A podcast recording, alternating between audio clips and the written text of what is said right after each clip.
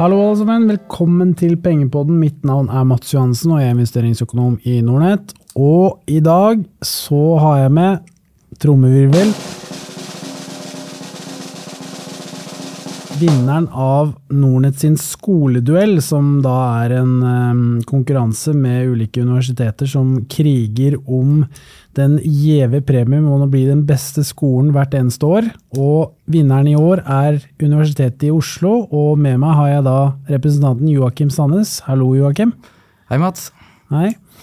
Så hyggelig. Dere kom, kom vel Ja, dere var vel egentlig på andreplass, fordi det var analytikerne som hadde best avkastning, men dere var de beste av universitetene med 7,9% avkastning i den måleperioden som da er fra mai til september, mot Oslo Børs som målte 3,4% i samme periode. Hva, et sportsspørsmål, Joakim. Hva tenker du om det? Hva føler du nå? Nei, det var bare utrolig morsomt.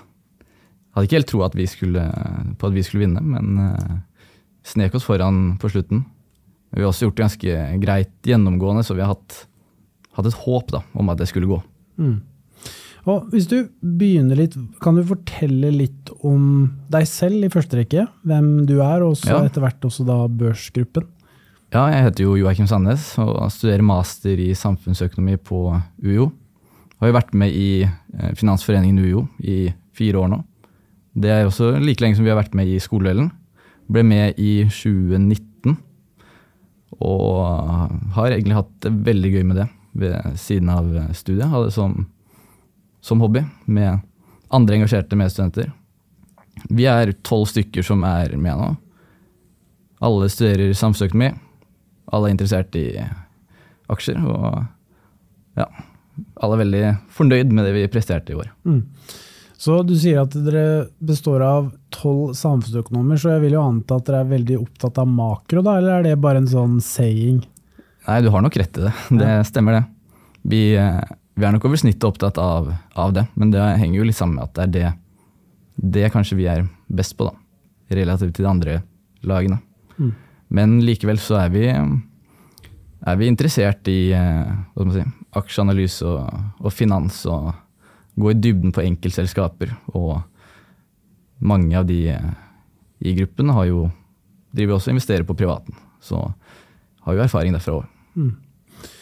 Så hvis vi hopper rett på det, da. Eh, vi nevnte jo det innledningsvis at du, dere var tolv stykker som studerte samfunnsøkonomi, eller makroøkonomi, da, som man kan si på, på et annet språk. Eh, når dere da i den gruppen sitter sammen, tolv samfunnsøkonomer, hvordan jobber dere da spesifikt med caser? Tar dere tak i makroøkonomien og de trendene dere ser, og så jobber dere nedover derfra, eller er det sånn typisk Buffett approach at dere ser på selskap for selskap, og så blir makroøkonomien det den blir? Jeg foretrekker ofte å jobbe ovenfra ned, se på makrotrender, finne aksjer som, hvor vi kan få eksponering mot trendene.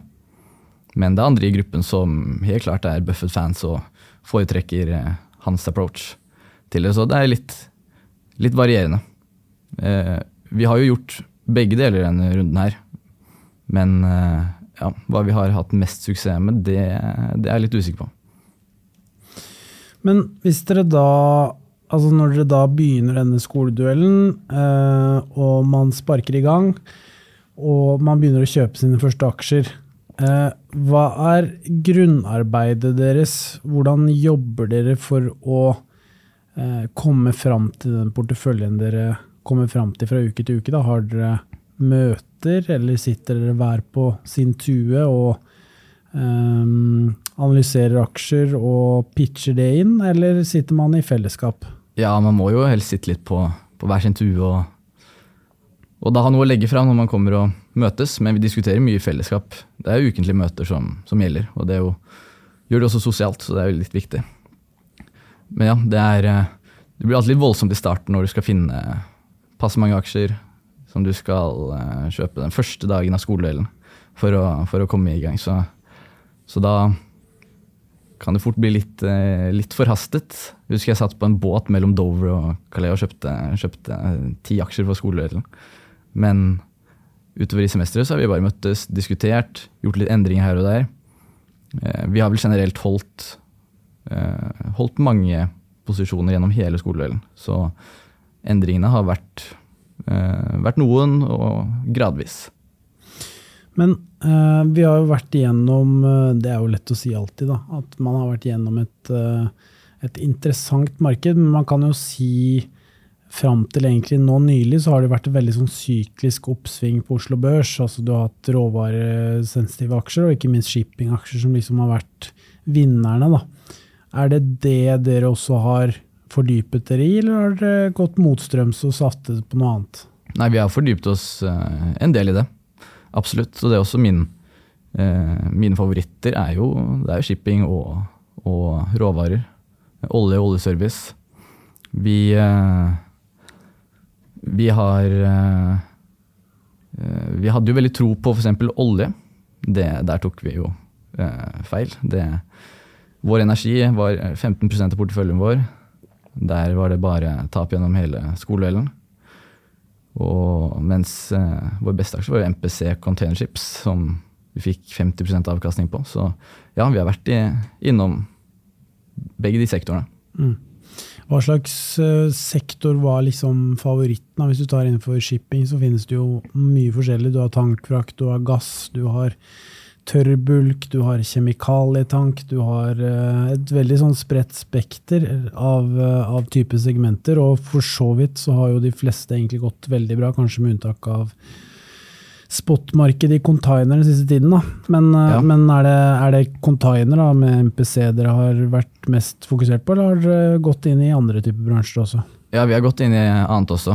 Vi, eh, vi vurderte jo tank i starten av skoledelen, og Frontline den, eh, den falt mot, ned mot 115 kroner aksjen. Og, så vi angret veldig på at vi ikke hadde slått til, slått til på det. Men vi satte heller penger i tørrbulk. Vi kjøpte 20 bulkers ganske tidlig. Eh, Priset veldig lavt i forhold til eh, stålverdien.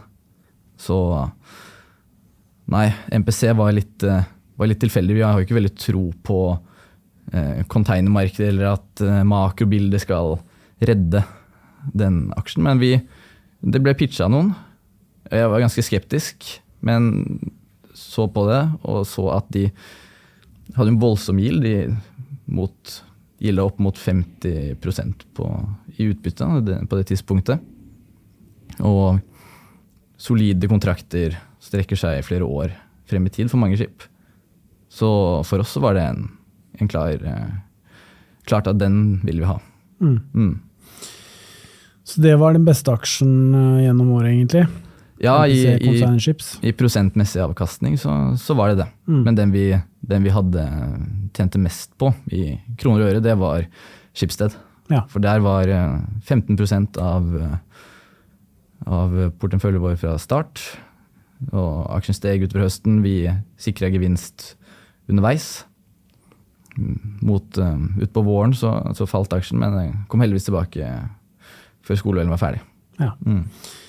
Hva eh, var de største tabbene dere gjorde? da? Både altså, investeringsmessig, men også kanskje tankemåte og prosess? Da? For det også er jo kanskje noe av det mm, mest interessante å snakke om. Én ting er jo resultatene i kroner og øre og tall og prosenter, men, men selve prosessen på man finner et selskap, investerer og finner ut at det var feil, og gjerne da skjønner at det også er feil, da, sånn i, på basis av at man, man taper penger.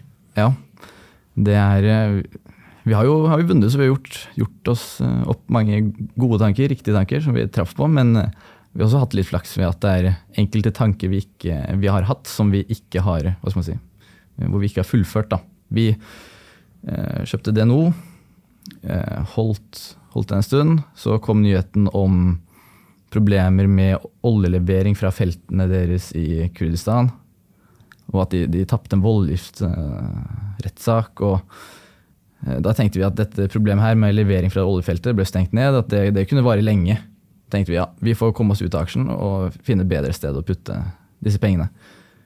Og Så venta vi et par dager, tenkte vi skulle selge, men så kommer nyheten om at nei, blir, her kommer det en løsning ganske fort. Og da, da gikk jo DNO-kursen opp igjen. Så det var en del sånne småting, da. Hvor vi også hadde flaks, for det er jo mye flaks i aksjeverden. Ja, det er det i hvert fall på kort sikt. Og så Ja. er det mm, er det jo selvfølgelig, som du sier, det er jo sånn Altså Man kan være heldig med resultatet, men prosessen er dårlig. Og det er jo ting som jeg selv jobber mye med. At én ting er jo uh, resultatet som du ser hver eneste dag med kurser som svinger opp og ned, men det er jo gjerne den prosessen du gjør i forkant som på forhånd definerer mye av hvordan retningen skal gå. Da. Eh, så det er, eh, det er jo et interessant felt i seg selv. Eh, men dere som sagt hadde jo 7,9 avkastning i løpet av det året, og, Oslo Børs hadde 3,4. Hva I og med at det er begrensa bare til Oslo Børs, hva, hva, savnet du på Oslo Børs kontra f.eks. de internasjonale børsene, som har gått mye mer eh, gjennom det siste året, og noe du gjerne skulle hatt? da? Ja, for min egen del så jeg, jeg vet ikke om jeg savner, savner noe på, på Oslo Børs, men eh, det kan jo tenkes at et eh, bredere spekter av, av aksjer som er, har eksponering mot kanskje flere industrier, andre råvarer. At det kan være veldig interessant. Og um, noen vil vel savne teknologiaksjer, da, eller mer, mer nisje, nisjeaksjer innenfor, som gir litt sånn unik eksponering. Det er egentlig ikke noe spesielt jeg savner ved Oslo Børs. Det er egentlig veldig fornøyd med at det er mye, mye olje og oljeservice som byr på mye muligheter og mye syklisk og kan svinge mye. Og det gjør det tøft. Blir litt action. Ja. Du nevnte Skipsted. Det er en Ja. aksje dere har hatt i, dere hadde den i hele, hele perioden, forstår jeg. Eh, Ja. Hva var grunnen til at dere kjøpte Skipsted? Det er jo en litt uh, kjedelig aksje, men det er kanskje nettopp derfor? Ja, det, det var litt derfor. Men det var, det var noe vi gjorde med en del, eh, en del av selskapene vi, vi gikk inn i. Det var selskaper som var lette å regne hjem. Det var lett å se at her var det potensialet. Kanskje kunne argumentere for at det var begrenset nedside, men oppsiden var potensielt eh, stor. For Schibsted sin del så var det liksom summen av delene. Da. Det så vi som såpass høy i forhold til det kursen sto i, at her eh, mente vi at det var god, god mulighet for oppside.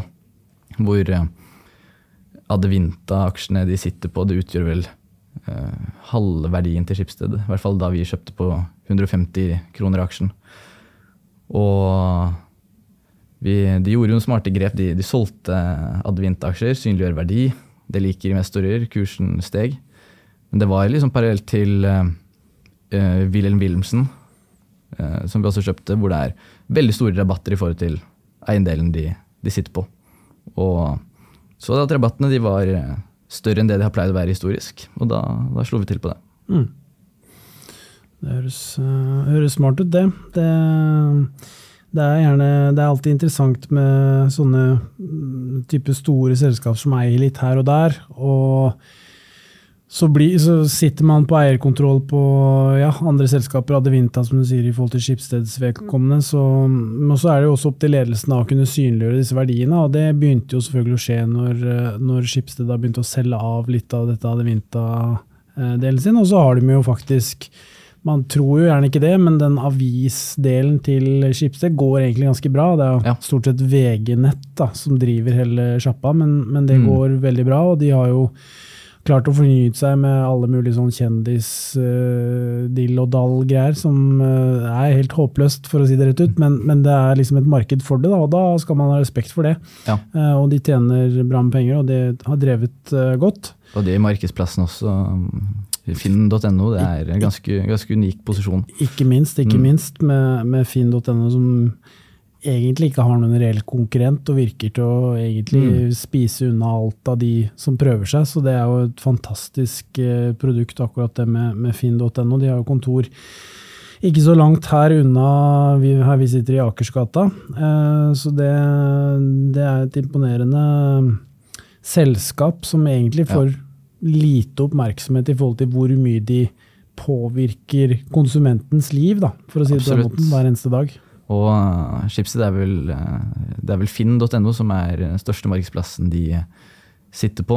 Men skal ikke skimse av de, de, andre skandinaviske markedsplassene. og F.eks. Den blå avis i, i Danmark, selv om den er litt mindre enn finn.no og inne i færre, færre markeder. Men det, er, det er fine selskaper de, de sitter på.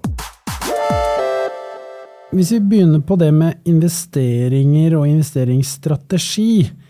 Eh, hvis du skulle oppsummert investeringsfilosofien til eh, børsgruppa, hva ville du dratt fram som nøkkelpunkter da? Det er jo eh, to approacher kan du si da, som vi har, har, brukt. Det er enten å finne aksjer som er lett å regne hjem, eller så er det å finne identifisere noen makrotrender og finne aksjer som gir deg eksponering mot det. Eh, det er de to tingene vi har, vi har prøvd på. Så det er mikro og makro i skjønn harmoni, da, egentlig? Det er jo det. Er jo det. Mm. det, er jo det. Så uh, for oss så fungerte det, fungerte det, veldig bra. Og vi traff med, traff med begge strategier. Ikke alltid, men uh, ja. Fungerer på hver sin måte. Ja. Men hvis dere da sier jeg er medlem av den gruppa, da, og så sitter jeg og Uh, kokelerer på hybelen min og finner ut at uh, Skipsted det er det selskapet jeg tror på, og pga. disse, disse, disse faktorene. Hvordan fungerer da et sånt møte som dere har uh, ukentlig? Er det sånn at man da har en Kall det en pitchekonkurranse, eller sitter man og diskuterer uh, for og imot og ja. drar opp mange forskjellige selskaper av hatten, eller er det Ja, det er det er å pitche, gjerne, i fellesskap, og så diskutere. Men det, det trekkes jo frem med mange aksjer. Høre litt folks vurdering og syn på, syn på selskapet og på releva, det relevante markedet.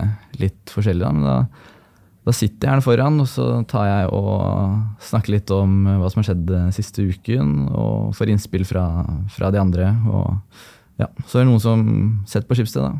Du, for eksempel. Kommer du og så sier du den aksjen er bra pga. det her og det her. Jeg tror at uh, dette er en er kjøpsmulighet for oss. Den, kanskje du kan presentere noe, noe triggere som er relevante. Og så får du innspill fra Kommer vi andre med innspill, tilbakemeldinger, hva vi tenker om det. Og så blir det enten yeah or nay. Ja. ja. Vi stemmer over det i fellesskap. Men hvis, dere, hvis, du tar den andre approachen, dette var den mikroapproachen, at du går ned på et uh, selskap. Men mm. hvis du tar den um, makroapproachen, uh, ja. og så tar du f.eks. Frontline, eller Hafnia, nå er ikke de mm. helt like, men det er innenfor kall det frakta olje. da. Mm. Uh, der ser du jo selvfølgelig at markedet er bra, og så har man en form for visibilitet, at det mm. går kan gå bra framover i forhold til at det er lite nybygg, mm. om noe i det hele tatt. Men ja. man vet jo aldri med OPEC om det kuttes, om etterspørselen etter olje i verden synker eller stiger. Det forandrer seg jo litt fra uke til uke, og spesielt i disse tider. Ja. Eh, og du vet jo ikke om Frontline tjener 40 eh, spenn i løpet av et år, eller om de taper 30 spenn, for å si det på den Nei, måten. Nei, det er groffen, ja. ja. Så, så, hvordan er den diskusjonen i forhold til de sykliske aksjene, som er mye vanskeligere å, predikere inntjeningen til? Da? For det, Skipsted er jo et sånt veldig fint sånt, kall det et Buffett-case, ja. med at du ser år for år så tjener de mer eller mindre det samme med litt økning, og så er det litt variasjoner, selvfølgelig, men du kan forutse sånn relativt hvordan den inntjeningen vil se ut. Mens i tilfelle Frontline så kan det se jævlig bra ut i ja. tre måneder, og så kan mm. det se helt døden ut i de neste elleve månedene. Så det er liksom veldig vanskelig å, å, si hvor mye de, de kan tjene. Da. Hvordan ja. er liksom den diskusjonen? Nei, det var uh, Det er, er forskjellige approacher til, til, den også, men det er uh, Hvis du f.eks. For forteller at uh, Kina, de, de, Hvis de åpner Det var jo en case med det i, i høst så kan du Eh, foreslå og anta at, eh, at, det vil føre til økt aktivitet i økonomien, økt etterspørsel etter energi, og at eh, frakttjenestene som Frontline leverer, blir mer ettertraktet. Det kan være andre faktorer som du kanskje har funnet at, som du har sett på, oppdaget, sånn som at kanskje USA er forventet å eksportere mer olje. De slapp jo åpnet jo opp de strategiske lagrene sine i fjor. Det, det kan påvirke seilingsdistansen. Og så, og så snakk om ordreboken, hvor mange skip som kommer inn eh, de neste to årene f.eks. i markedet. Litt, eh, litt sånne, sånne faktorer. Mm. Mm. Og da, da kan frontline da kan vi si at frontline det kan gi oss eksponering mot det her. Eller at f.eks. frontline det kan gi oss en hedge mot, mot noe annet. Mot ja, oljeprisbevegelser eller ja, Mm. den slags. Hvordan er vektingen i porteføljen til et type, da kaller jeg det bare et Buffett-case, er Roger er ikke her, så jeg må ta ansvar for det. Ja. Men, eh, men altså, kall en mer trygg plassering som, som Schibsted, kontra en litt mer utrygg syklisk plassering som f.eks. Frontline. Hvordan er allokeringen, altså prosentvis porteføljemessig? Tør dere Ja. å gå like tøft inn i en syklisk aksje med litt vanskeligere fremtid, eller?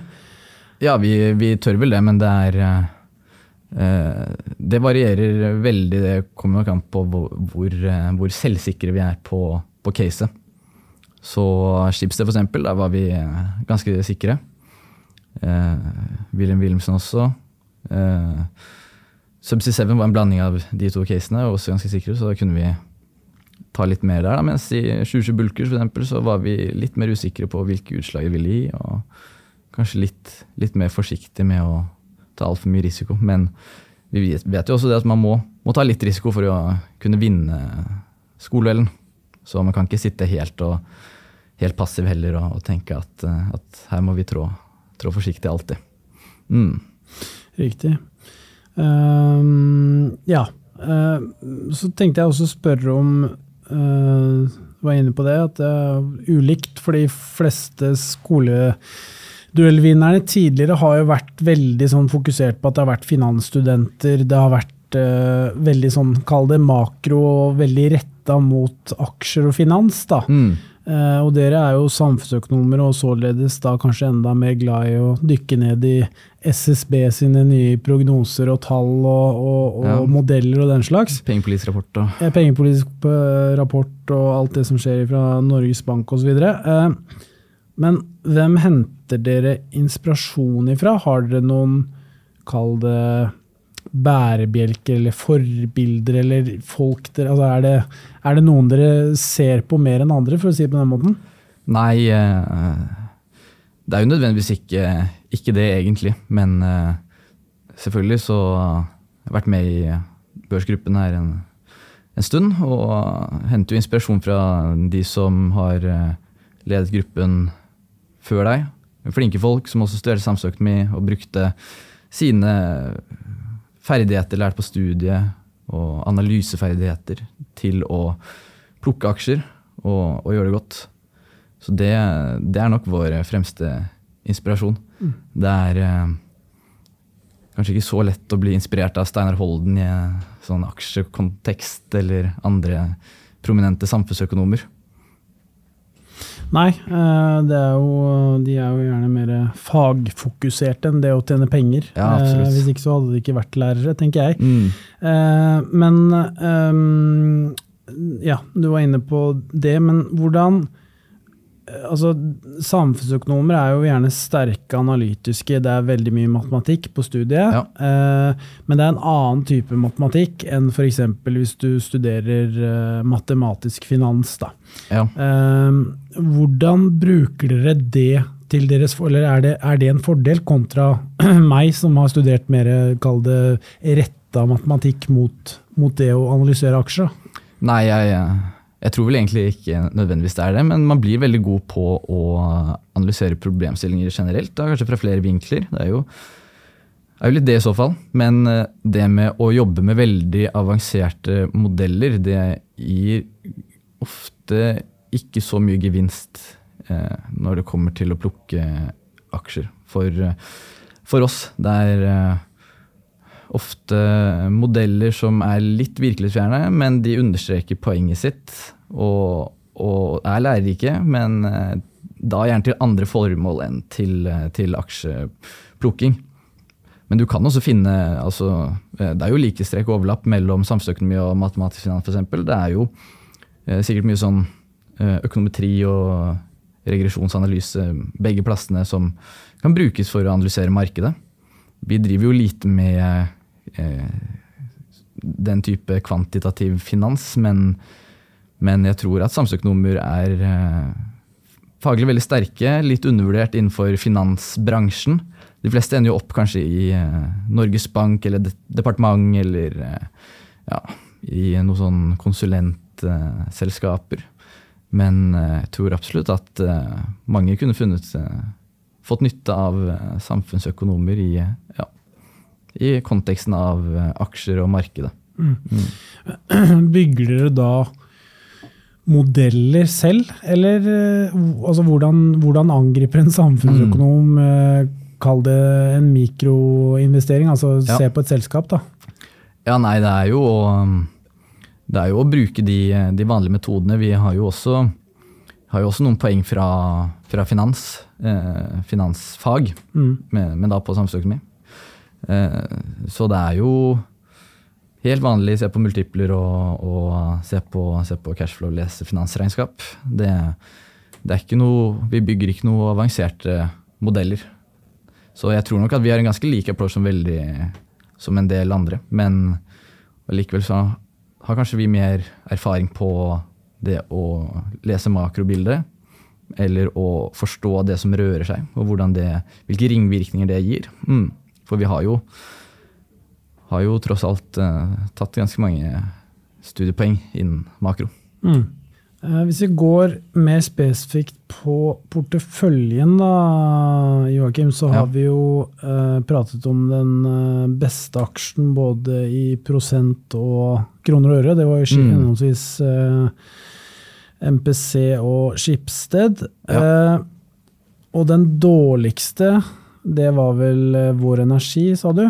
Ja, den, eh, i hvert fall i kroner og øre. Ja. Det var, eh, var, heller ikke noe, noe, bra investering Nordic Semiconductor, denne skoledelen her. Nei. Den uh, røk på to dårlige kvartal og, og ja var ikke noe ble ikke noe avkastning å hente der. Mm. Men hvordan har antallet aksjer vært? Altså Hvor mange aksjer har dere hatt sånn i snitt fra uke til uke? Har det vært uh, type smalt med fem, eller uh... Nei, vi har hatt over ti aksjer, tror jeg, gjennom hele skoledelen. Vi har, har, vært godt diversifisert, og ingen, heller ikke noen enkelte aksjer som har utgjort noe særlig mer enn 20 av porteføljen. Da har vi gjerne solgt oss ned litt. Så vi har vært veldig veldig diversifisert. Mm.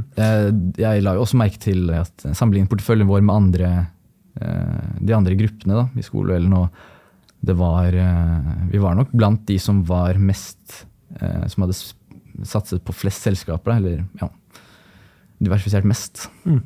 Men det er klart en femdel er jo relativt voksen posisjon, det da. Hvis det er rundt 20% så vil jeg jo si at det er et veldig sånn ja. convincing bet, da, for å bruke litt nynorsk her. Ja, absolutt. absolutt. Men vi, det var eh, det, det, er jo en ganske stor posisjon, men skal kan man sammenligne med, med, andre lag. Da. Vi var jo litt nervøse på slutten for eh, NMBU, som plutselig har 30% av porteføljene sine i Solstad offshore. Da kan jo alt skje. Så, ja.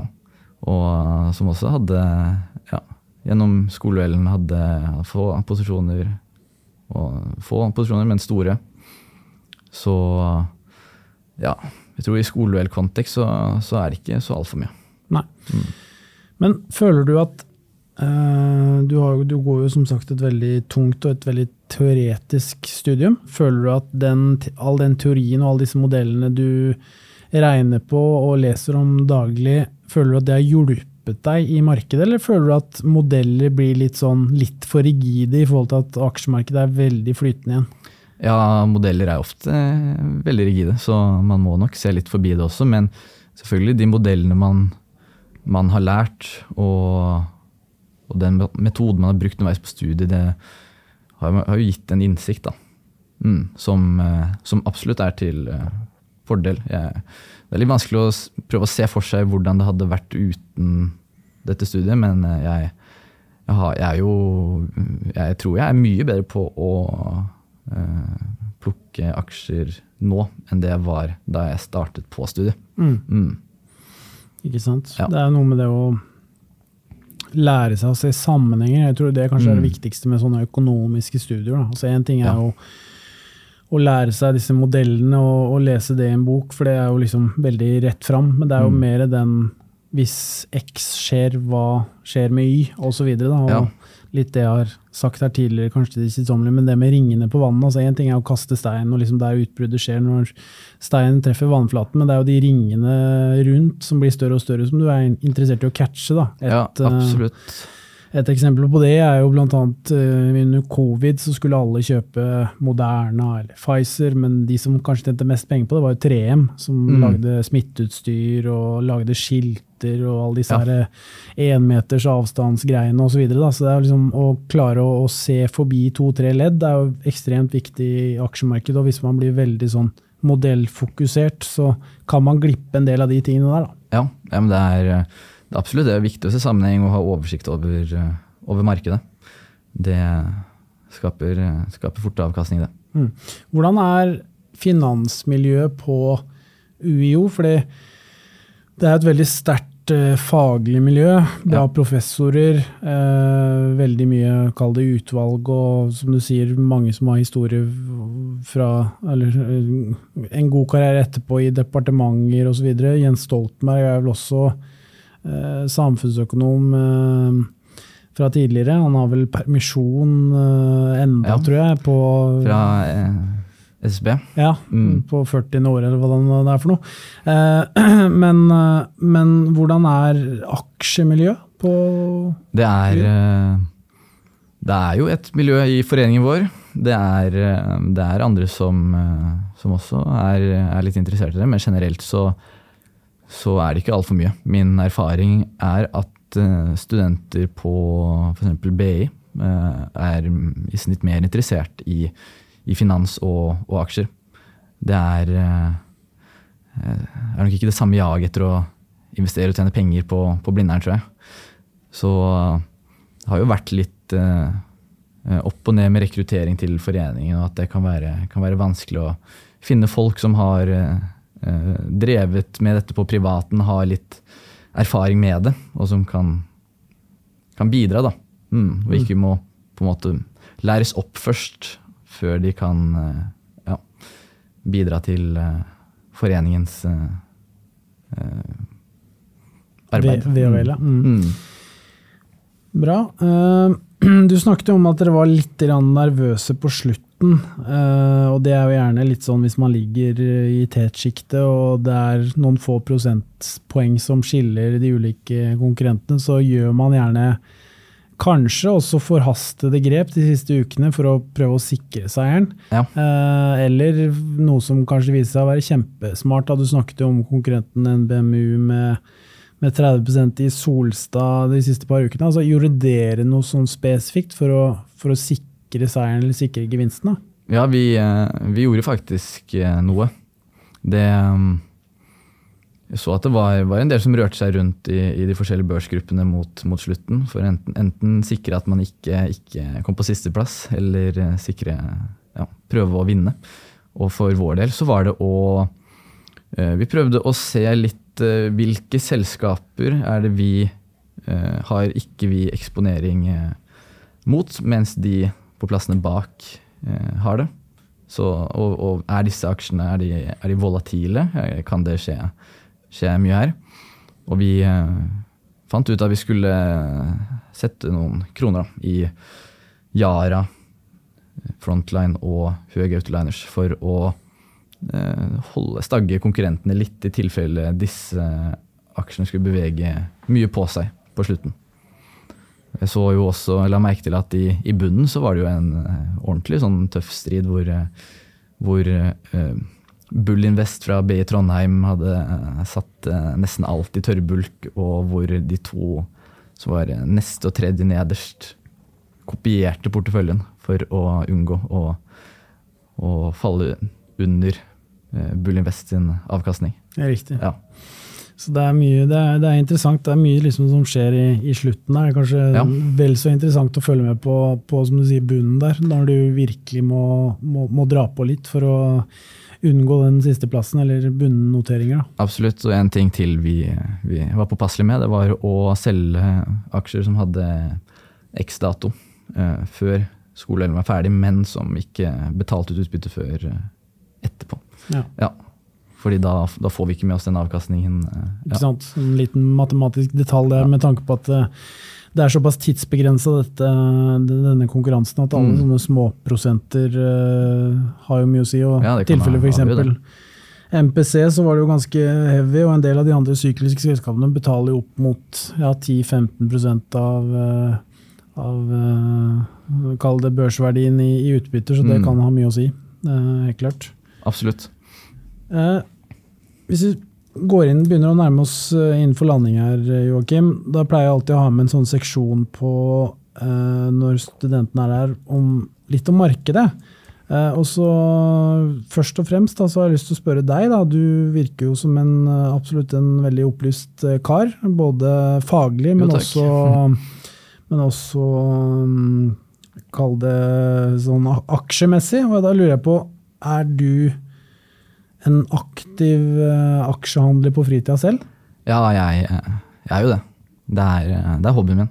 Ja. Så ja. Var på et uh, aksjekurs i Forsvaret da jeg var uh, inne der. Som uh, ja, bare et par dager, men da jeg skapte en interesse og bare vokste vokst på meg. Ja. Så fant jeg Finansforeningen, det starta på Blindern og ja. Så jeg investerer selv. Ikke Det er mye, mye sykliske aksjer, mye shipping. Det er uh, mye oljeservice, energi. Det er, syns jeg er spennende med ting som eh, går eh, opp og ned. Kanskje som har eh, ja, Hvor du kan finne litt sånn eh, Lese litt makrobilde og prøve å ta noen posisjoner som passer til det. Mm. Ja. Ja, det er gøy. Det, det er jo eh, litt, Du skal ha litt sterk mage, bare, for det svinger mye. Men eh, og det er ikke alltid Ja, matematikken stemmer, og man blir litt frustrert av og til, fordi ting går ikke helt veien, selv om du har regna på at det skal gjøre det. Så Mm. det er, du blir litt overlatt til tilfeldighetene, kanskje enda mer da, enn type et Schibsted-case, som vi var inne på litt tidligere. ja tålmodighet er, eh, er viktig, det. Mm, mm. Er strategien din lik som den i børsgruppen, eller kjører du et annet løp på privaten? Nei, den er egentlig veldig lik. Ja, jeg tror jeg har eh, som leder også presset den litt på børsgruppen. Det var eh, Vi hadde en dårlig, eh, dårlig sesong forrige sesong. Så tok jeg over som leder etter det, og så mente jeg at det her, for sånn, en sånn konkurranse som varer i ni måneder, da gjelder det å finne litt aksjer som, som kan bevege litt på seg da, i, i, denne, i løpet av den tiden. Da. Mm. Mm. Og det, det er jo sånn jeg driver på privaten, så ja. Riktig. Eh, Hva tror du om eh, markedet framover, da? ja. Nei, eh, alltid vanskelig å si, vet du. Det, Fra en samfunnsøkonomisk perspektiv? Nå er jeg spent. Nei, det er, det er veldig vanskelig å si. Jeg, jeg har jo over lang tid egentlig hatt ganske tro på, på energi og olje. Olje og gass det skal komme tilbake, men eh, her er det så mange faktorer inne i bildet, og Russlands evne til å eksportere, og amerikansk produksjon, og så kommer OPEC i tillegg, så det er eh, veldig vanskelig å skulle ha noe, noe voldsom bastant mening om ting, men jeg, jeg er generelt ikke veldig redd for, eh, for børsfall. Jeg eh, tror egentlig at det skal, skal gå greit. Det er jo, blir jo spennende med rentemøtene fremover, Mm. og hvor, hvor den norske renta går hen. Men generelt så har jeg troa på at uh, man kan finne, finne gode, gode caser på Oslo Børs og, og tjene penger på aksjer fremover. Ja. Mm. Hva er, Siste spørsmål fra meg. Hva er eh, planen din framover? For du er nå masterstudent, du har vel kanskje Ja. da ett år igjen? Ja. Ja. Hva er din, eh, hva er din drøm framover i, i karrieren? Er det inn i et departement, eller vil du inn i et meglerhus, eller hva, hva kunne du tenke deg? Det er, eh, det er jo mye som er spennende. Eh, Men både departement og meglerhus er, er morsomme arbeidsplasser, tror jeg. Som jeg hadde trives godt i. Ja, det er to Det virker- store kontraster, tror jeg. Men Ja, eh, det, det tror jeg òg. Absolutt. Men det er eh, Jeg tror jo at det, det hadde vært litt spennende med Det hadde vært spennende med et meglerhus.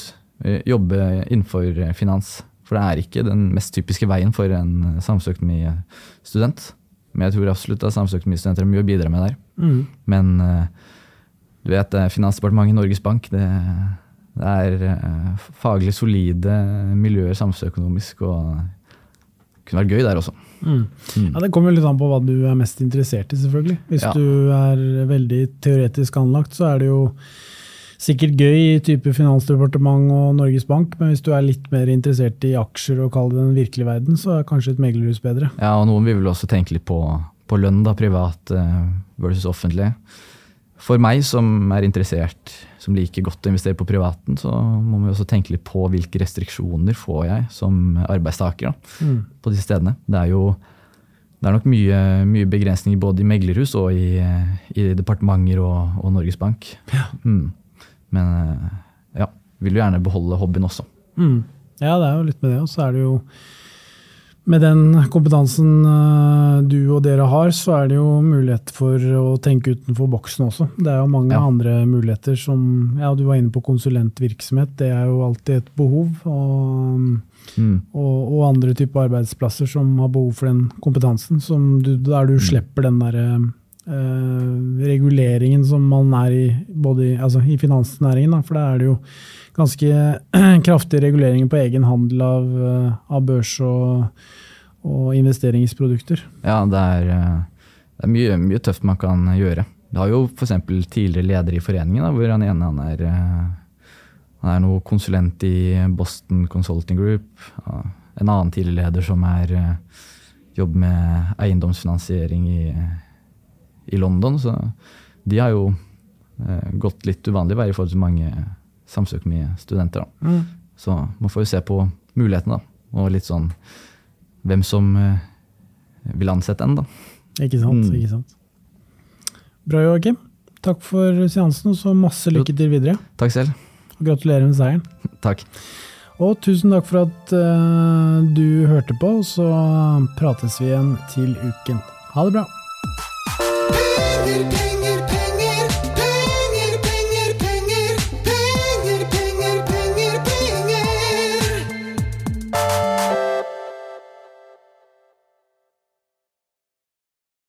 Denne podkasten skal anses som markedsføringsmateriell, og innholdet må ikke oppfattes som en investeringsanbefaling. Podkasten er kun ment til inspirasjon og informasjonsformål. Nordnett tar ikke ansvar for eventuelle tap som måtte oppstå ved bruk av informasjonen i denne podkasten. Les mer på disclaimer-siden på nordnett.no.